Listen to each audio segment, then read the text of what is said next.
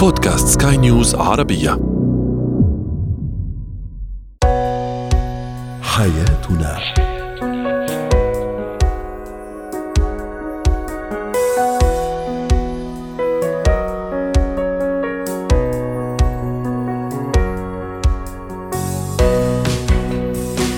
مستمعينا الكرام أهلا بكم معنا إلى حياتنا فضاؤكم اليومي. الذي يعنى بشؤون الأسرة وباقي الشؤون الحياتيه الأخرى والذي يمكنكم الاستماع إليه عبر منصة سكاي نيوز عربيه dot com slash podcast وباقي منصات سكاي نيوز عربية الأخرى. شاركونا عبر رقم الواتساب 00971 معي أنا ابتسام العكريمي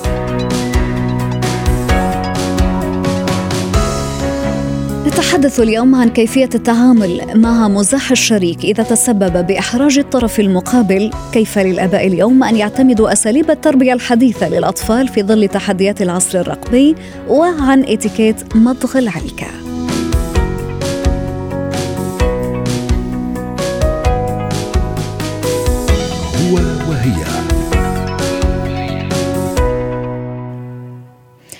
المزاح بيني وبين الشريك حياتي أو زوجي أمر جميل وملطف للأجواء لكن في بعض الأحيان هذا المزاح قد يتحول إلى وقود يشعل فتيلة المشاكل بين الزوجين أو الشريكين.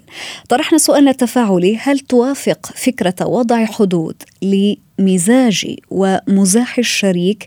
رحبوا معي مستمعينا الكرام بالاستشارية النفسية والأسرية ضيفتنا العزيزة دكتورة ليندا حمادة. أهلا وسهلا بك دكتورة. إذا هذا هو سؤالنا التفاعلي وتعليقات كثيرة وصلتنا على منصات سكاي نيوز عربية. تعليق يقول هذا أمر لابد منه وإلا فسيفتح الباب للمشاكل لتدخل لعش الزوجية. تعليق آخر يقول حلو أنه كل طرف يعرف حدوده حتى لو كان هذا الطرف هو زوجي. أهلا وسهلا بك معنا دكتورة. مساء الخير.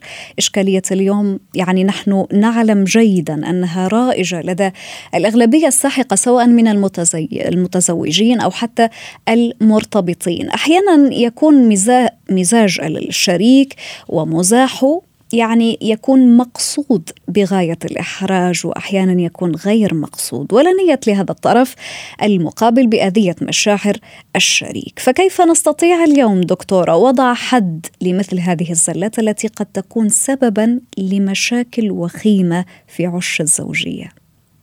آه مرحبا. آه، أهلا وسهلا. جميعا بكل الناس اللي عم يسمعونا. نحن أول شيء بس هيك تعريف صغير الحرج هو شعور عاطفي. بينتج دائما عن الانزعاج الشديد بأنه إنسان يا أما بيكون عنده انزعاج من نفسه من صفه معينة أو آه، فعل اجتماعي غير مرغوب فيه أو غير مرغوب إنه ينكشف من قبل الآخرين. فلما بيجي الشريك وبيمزح مزحة عادية أنت ما رح تتضايقي لأنه أنت ما مست عندك جوا عملت لك انزعاج شديد من فكرة ما بدك إياها توصل للناس عنك. أو من كشف أي آه، شيء غير مقبول اجتماعيا بالنسبة لهدول الطبقة. بدنا نشوف أول شيء الفرق بين هل هو مقصود أو غير مقصود. إذا كان غير مقصود وهو من طبيعة الشريك إنه هو متربي ببيئة مختلفة بالنسبة له هي المزحه جدا عادية ما عنده مشاكل نفسية بتتأثر بهذا النوع من المزح آه، المزاح اللي بيفتوا على الآخر. بجوز شخصيته سركاستيك يعني آه، مهرجة لحتى يلفت نظر إنه هو العنصر المضحك اللي عم يخلي القعدة تكون حلوة فبيستخدمك أنت كوسيلة كأداة نعم. آه، لإضحك هدول الناس. طيب كيف أتعامل مع هذه الحالة في حال إنه شريكي يتصف بهذه الشخصية؟ آه، دائما نحن بنقول أحيانا فرق التربية بينك وبينه قد يكون هو مو حاسس بنفس الشعور يلي أنت حاسستيه تجاه هذه المزحه كيف أوصل له دكتورة؟ يجب أن تقولي له في المنزل مو قدام الناس لتصير هي القصة إنه في هدول النقاط المعينة أنا عم حس بانزعاج لما أنت عم بتقولهم جنب الناس لأنه يمسون شيء داخلي. نتفق يعني نتفق بشكل آه، آه، داخلي قبل حتى مثلا قبل ما نستضيف أي عزيمة قبل ما نروح ل آه، عند أشخاص قبل ما نقابل ضيوف أو حتى قبل ما نروح نطلع مع بعض إنه أنا في شيء هذا بضايقني منك بليز ما تعتمدوا أمام الناس لأنه هو بيجرحني. ولكن بدك تنتبهي كمان انت وعم تنبهيه. أحيانا بدك تنتبهي انه توصلي له الفكرة بطريقة إنه أنا ما عم ما عم لومك. أوامر ولا عم leading you يعني أنا ما عم كون المتحكم حتى بطريقة حديثك لأنه أحيانا بتصير رده عكسية عنده إنه كمان بدك تتحكمي بطريقة حديثي مع الناس كمان بدك تكوني controlling آه شلون أنا بدي أمزح مزحتي ولا أحكيها فأنت الطريقة اللي بدك توصليها للشريك أو هو يوصل طريق يعني حتى أحيانا المرأة بتتمسخر كثير على زوجها أو بتحكي على هو نحن نحن حديثنا من الطرفين سواء الشريك أو الشريكة تماماً. على حد السواء طيب دكتورة ف... ف... أنا مثلا إذا لفت انتباه شريكي ولم يستجب أعاد الكرة أمام العائلة الموسعة أمام الأصدقاء ماذا يتوجب علي حرفيا أن أفعل؟ في عنا طريقتين. يا أما بدنا ندوقه من نفس الكاس ونشوف هو يعني عن جد في في نوعين من الرجال أحيانا مو دائما نفس الطريقة بتمشي. في نوع رجال ما بيكون حاسس بألمك أو بانزعاجك ليحسها هو. فأنت بتشوفي شو نقطة الضعف عنده اللي هو ما بيحب الناس تعرفها وامزحي نفس المزحة.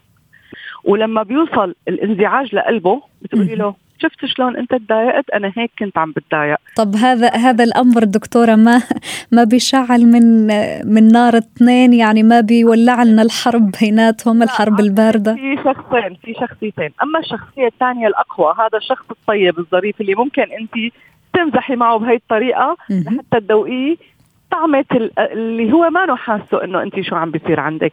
آه الشغلة الثانية إذا كان رجل قوي جدا أو شريك يعني شريكة قوية جدا التجاهل. يعني أول شيء لازم نفهم شغلة هذا الرجل لا يمثلني قدام الناس. يعني مو معناته إذا أنا وياه متجوزين وعايشين ببيت واحد وبنحب بعض كل شيء بيعمله تصرفات أنا مو محامي الدفاع تبعه وهو لا يمثلني أبدا. وهو لا يلغي لي شخصيتي أيضا. ولا يلغي شخصيتي. يعني إذا هو شخص مزوح أنا بتطلع بالناس بقول لهم أنا I don't enjoy this أنا ما كثير بحب المزح. فهو شوي شوي على التجاهل. وعلى عدم آه، شعورك بإنك أنت تمثلينه وهو أحرجك فهو أحرج نفسه. وبهي يعني هاي معادلة صعبة بس حلوة يا دكتور. جدا حلوة. صدقيني لما أنت بتحسي حالك إنه أنا فقدت شخصيتي وانصهرت بهذه العلاقة إن كان دفاعا عن بيت أهله ولا دفاعا عنه ولا دفاعا عن أي شخص ليس أنت هي المعادلة نحن بنعملها بدون ما نحس وهي غلطة كبيرة. أنا لا يمثلني تصرفاته هو كشخص. أنا يمثلني إني بحبه وبحترمه هو جوزي. ولكن لا يمثلني إذا هو غلط أو هو مثلا مزح بهالطريقة. ليش نحن الاثنين بدنا نلام أو دافع عنه أو حس أنا بالإحراج على تصرف فعله شخص آخر؟ فأنا بفهم العالم هي المسج إنه ما دخلني. هو بيمزح بس أنا ما بحب هيك. ولم ولم أحب حتى فكرة هاي المزحة علشان ما يعيدها مرة ثانية. ولما أنت بتتجاهلي وما بتضحكي أول مرة وما بتبيني أي ردة فعل لا انزعاج ولا ضحك ولا استفزاز لأنه ممكن كمان الشريك يكون من هدول الشخصيات اللي بيحبوا يستفزوا. فأنت كل ما استفزيتي أكثر كل ما بيزيدها. فأي تجاهل أو نظرة واحدة فقط تكفي إنه أنا I'm not here ما سمعت ما استوعبت شو عم تحكي أو ما عنالي الموضوع. الناس حتى بتشوفك إنه انت بشخصية وهو بشخصية. جميل. فلما بدهم يحكوا عليكم رح يحكوا عليه له مش عليك. أو شكرا. شكرا لك على هالتبس والنصائح الثمينة دكتورة ليندا حمادة الاستشارية النفسية والأسرية. يعطيك ألف عافية. زينة الحياة. مع تطور الحياة يوميا. هناك الكثير من التطبيقات الجديدة والتقنيات التكنولوجية الحديثة. الطفل بطبعه لديه فضول لاستكشاف كل العوالم. اليوم تقريبا بات أمر عادي أن نرى الأطفال منشدين إلى الفيديو جيمز وغيرها من التطبيقات. وظيفة الآباء اليوم لا تشبه أبدا سابقها فهي مليئة بالتحديات. رحبوا معي مستمعينا الكرام الآن بالدكتورة هبة شركس خبيرة تربوية. مساء الخير دكتورة هبة كيف للآباء اليوم أن يعتمدوا أساليب التربية الحديثة للأطفال في ظل تحديات العصر الرقمي؟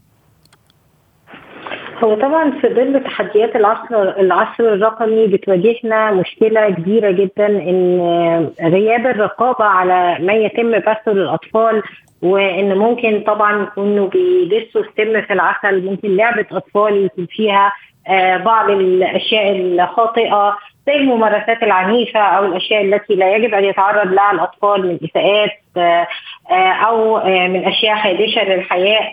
فكل هذه الأشياء طبعا بتكون تحديات بتواجه الآباء والأمهات. ده بيتطلب منهم إن هم يكون عندهم وعي رقمي ويكون عندهم قدرة على فتح حوار إيجابي مع الأبناء ويشاركوهم الألعاب والأشياء الإلكترونية اللي بيمارسوها الأبناء.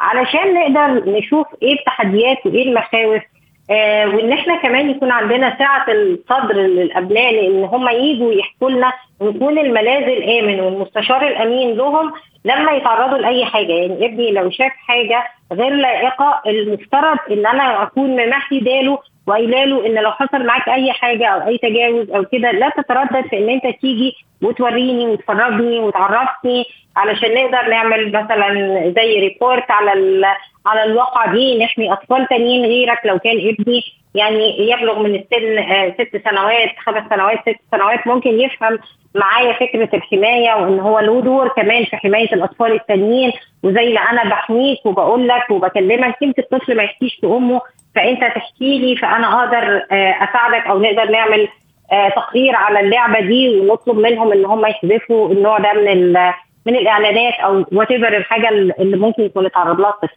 قدرتنا إحنا على الوعي الرقمي عندنا إحنا كأولياء امور إن إحنا نبقى عارفين إيه المخاطر وإيه التحديات وما ناخدش الأمور آه ببساطة إن إحنا اللي نكتب السطور الأولى في وعي الطفل يعني أنا ما أسيبش ابني للإعلام والألعاب والأشياء دي هي اللي توعيه وهي اللي تعرف عليه الأفكار الأولى. تمام. هذه نقطة دكتورة هبة ولكن في نوعية آباء أو أمهات من العادي جدا أنه لا يميلون إلى مثلا خلينا نحكي الألعاب الإلكترونية لا يفقهون كثيرا في الأمور التقنية وهذا واقع.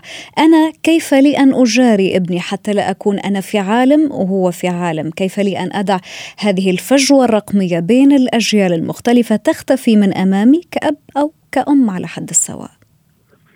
هو الوعي الرقمي أصبح يعني من المعلوم في التربية بالضرورة. يعني إحنا لازم نبدأ نوعي نفسنا رقميا نتفرج على فيديوهات آه نعمل بعض الأشياء ننزل بعض برامج الحماية آه على اذا أنا كأب أو كأم أبدأ من نفسي. هاي الخطوة الأولى. لازم محو محو الأمية الرقمية.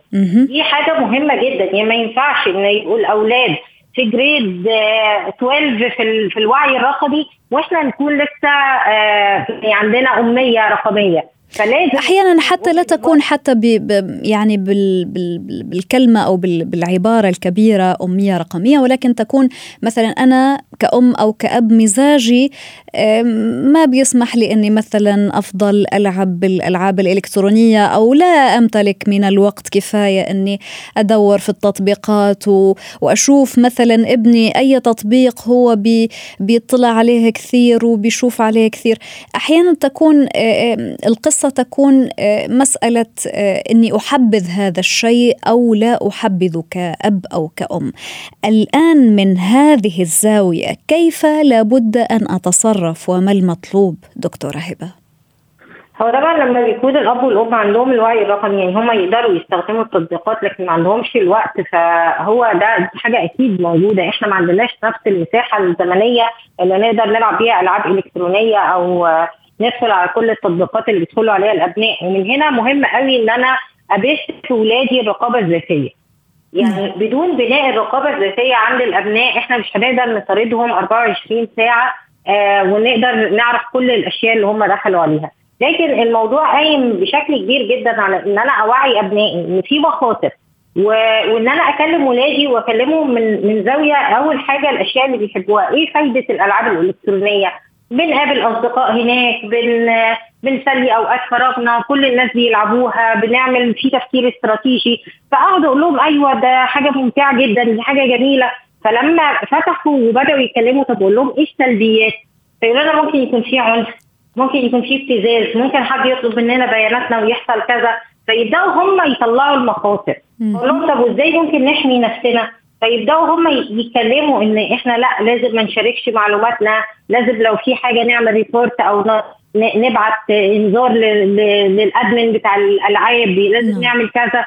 فمجرد إن هم يبقوا عندهم الرقابة الذاتية دي ويحسوا بالمسؤولية وإن أنا يكون عندي شيء من الوعي الرقمي ان من وقت للتاني أدخل أطمن على أولادي بيتفرجوا على إيه وبيعملوا إيه آه والنقطة الثالثة بس مجرد التقارب إن أنا أبقى موجودة في المكان اللي هم بيلعبوا فيه إن الأجهزة ما تبقاش بالساعات الطويلة موجودة في غرف مغلقة وإحنا ما نعرفش أي حاجة عن الولاد ده فالتواصل والمعية والرقابة الذاتية والوعي الرقمي آه، دول بصراحة الثلاثه مع بعض ممكن يشكلوا درع أمان ضد المشاكل الرقمية الكثير اللي ممكن يقعوا فيها الاولاد. جميل جدا شكرا جزيلا لك دكتورة هبة شركس الخبيرة التربوية ويعطيك ألف عافية.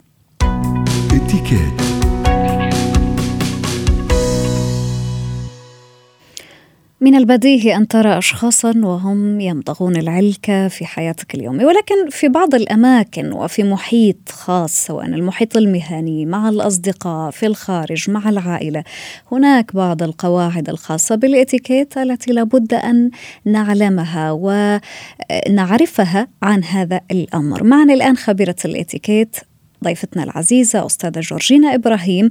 أهلا وسهلا بك أستاذة جورجينا معانا. مساء الخير. ما إتيكيت مضغ مضغ العلكة؟ بتعرفي نحن لما بنحكي عن هذا الموضوع خاصة يعني بال training بالتدريبات اللي بنعملها بالشركات يمكن هذا أقل موضوع بنحكي عنه لأن بنحكي عنه بجملة. بالإتيكيت ممنوع مضغ العلكة. وخلص الموضوع. يعني هالقد طيب أنا أنا راح أفتح معك الموضوع أكثر أستاذة جورجينا. لو كان الشخص مثلا مضطر إنه يمضغ العلكه مثلا آه، كان الموضوع صحي كان الموضوع بسبب إنه فك وبده يشتغل شوي كان الموضوع إنه في بعض الأوقات آه، بعض الأشخاص يعتمدون مضغ العلكه في آه، السيستم الخاص بالرجيم أو بإنقاص الوزن علشان يوهم حاله إنه عم ياكل. طيب في بعض المسائل الضرورية هذه إني أمضغ فيها علكه شو لازم إني اعمل وكيف الطريقة الصحيحة اللي لازم إني أستخدمها؟ okay. مزبوط معك حق. في يعني على طول في قاعدة بيكون في لها exceptions يعني بيكون في أشياء استثناءات. ولكن هي الفكرة بحد ذاتها إنه نحن نحن لما بنشوف شخص يعني عم يمضغ العلكة والحركات مع الأصوات يعني مش بس في مضغ في مضغ وفي أصوات. هذه هي المشكلة. منا كثير منا كثير حلوة ابدا. هون نحن بنحط علامة استفهام. هلأ أوقات كثير في أشخاص بتكون عم تستعمل العلكة يمكن ل تغير ريحة تمها مثلا بالضبط. كثير أشخاص بدخنوا مثلا فبيستعملوا شيء لحتى ما تكون ريحة تمهم دخان أو م- أي يعني نوع من المأكولات الثانية مش غلط إذا نحن كنا قاعدين بمكتبنا ما عم نتواصل مع حدا ما عم نحكي على التليفون مع حدا وعم نمضغ العلكة يعني تتخيلي قديش ألو... ال... هيك المنظر منه منه لائق. مش عم نتواصل مع كاستمرز يعني مع عملاء قدامنا. مش نحن قاعدين باجتماع وناس رسمي نعم. يلا عرفتك بيعملوا هيك البالونات بالعلكه هذا موضوع آخر. هذا موضوع آخر أستاذة جورجينا. في بعض الأشخاص بتلاقيهم وهم يمضغون العلكة كأنهم يعني ما عم يعملوا شيء حتى أنك أنت ما بتعرف أنه هم مثلا آه، في علكة عندهم. م. الآن بودنا أن نعرف آه، أنا مثلا إذا اضطريت أني أمضغ العلكة في أي مكان معين خارج بيتي وما آه، في حدي عالم أي مكان معين خارج البيت شو هي الأسلوب الصحيح الأساليب الصحيحة لهذه الزاوية؟ أهم شيء مثل ما تفضلت وقلت حضرتك ما تبين علينا إنه نحن في عملية مضغ العلكة. يعني تكون بطريقة كثير ديسكريت كثير هيك سرية. إبقاء الفم مغلق هذه بداية. هذا أهم شيء. ما يكون يعني عم يفتح ويسكر التم أصوات. يعني ما يكون في الصوت يلي هو كلنا يعني بنعرفه يلي هو بيترافق مع إنه خاصة بتكون العلكة بأول بأول المضغ بتكون فيها سكر أو بتكون فيها طعمة طيبة معينة. يعني تكون هالقد فيها هيك سرية خليني أقول. ما حدا يكون عم ما حدا يكون منتبه علي. أنا أنا بس كون عم بستعملها يمكن مثل ما قلتي ما بدي آكل مثلا لغرض صحي نعم. عن الأكل أو غرض صحي أو رائحة فم مش كثير مناسبة والى آخره. بس مش بالضرورة مش لازم حدا يعرف إنه أنا عم بمضغ علكي هلأ. حتى ما تسبب أي نوع من الإزعاج بصير هيك الناس تطلع. يعني فينا نحن كيف آه, آه، والأهم من هذا كله إذا بتسمحي لي كمان تفضلي. حضرتك بحضر السؤال بس كيف بعدين نرمي العلكة؟ وين آه جميل. هذا كان سؤالي يا أستاذة جورجينا. خاصة لما نكون مثلا في مطعم في حبيت أنا مثلا أدخل لاجتماع وكان في حدي زملاء آه، حبيت آكل شيء مثلا في ال canteen أو في غيرها أنا كيف أتخلص من العلكة. كثير منيح أول شيء بده يكون بيكون في عندنا محرمة يكون معنا tissue. okay وبنقربها على تمنا بشكل كثير كمان هيك بنستعمل كلمة discreet يعني بدون آه. ما نلفت النظر لنا وهيك حركة أقل من يعني كأني عم بمسح تمي. مية بالمية. من دون ما حدا ينتبه إنه أنا كان في يعني بتعرفي الاتيكيت مش كثير بده اختراع ولكن بده شوي هيك وعي. منطق لنعرف نحن إنه اللي عم نتصرف. ومن دون ما نلفت النظر لنا والأشخاص اللي تطلع فينا إنه هي هيدا وخاصة الأشخاص اللي بيكونوا بمراكز كبيرة مراكز مهمة. كل كل الأعين عليهم كل الناس عم تطلع عليهم. كثير مهم يعني حتى كيف الواحد بده يقرب إيده على تمه شو بده يكون في في في, في بإيده المحرمه محرمه وخاصة المحرمه كيف نرجع نرميها كمان هون؟ يعني هيك نرجع نرميها بشكل ما يكون كثير كثير واضح ومبين شو كان شو كان فيها. كلها أمور كثير بسيطة ما بدها كثير مثل ما بنقول باللبناني اختراع البارود. الواحد ينتبه على كل حركة بيعملها ما يسبب ولا إحراج لحاله ولا هيك مثل علامة استفهام من قبل من قبل الآخرين. فشغلة كثير مهمة وهذا فعلا موضوع وخاصة بأيامنا هلأ بنفوت محلات بنحكي على التليفون على كول سنتر يمكن مع أشخاص ببين إنه في علكة علكة بتمهم. يعني بتسمعي من حركة التم والأصوات اللي بتصدر معها إنه في علكة. فعلا أمر منه لائق ابدا ومنه مناسب خاصة بمكان العمل أو بس كون موجودة بمكان في آخرين. يعني كمان يمكن عم يطلعوا فيي وعم يراقبوني أنا كيف كيف عم بتصرف وشو عم بتصرف. طيب آه، أستاذة جورجينا في بعض الأوقات آه، مثلا يكون عندي أنا أولادي أطفالي آه، نكون نحن مثلا في طلعة مع العالم هل آه، مثل هذه الطلعات أيضا لابد أني أحافظ على برستيجي على قواعد الإتيكيت حتى الأطفال مثلا تشملهم هذه القواعد أيضا؟ مثلا إذا طلعوا برا في مطعم في مقهى في أي مكان عام لابد أنه يلتزموا فيها أيضا؟ يعني عشان ما يكونوا مثلا يصنعوا بالونات بالعلكة. ليش لا؟ ما هو بالنهاية الولد وتصرفات الولد ما بنلوم الولد بنلوم يلي عم بيعلم الولد صح ولا لا؟ الولد ما بيعرف انت بدك توجهيه وكل ما وجهتيه على الصح من عمر صغير وعرف ليش إنه عيب هالعلكه نعمل فيها بالونات أو يمكن نعلق دقيقة بس تروح طعمة السكر بدنا نرميها بنرجع بدنا ناخذ آه، آه، علكة علكة ثانية أو يمكن بيرموها بإيدهم أو يمكن فكل هول وكلهم شايفينهم هدول الاشياء يعني كلهم شايفينهم بطلعاتنا مع الاصحاب نعم. والأشياء. ولا بد أن نعلمها دائما للأطفال والآباء دائما والأمهات هم مرآة الأطفال. شكرا جزيلا لك أستاذة جورجينا إبراهيم خبيرة الإتيكيت ويعطيك ألف عافية. هنا نصل معكم إلى ختام هذه الحلقة من برنامج حياتنا. شكرا جزيلا لكم على طيب الإصغاء.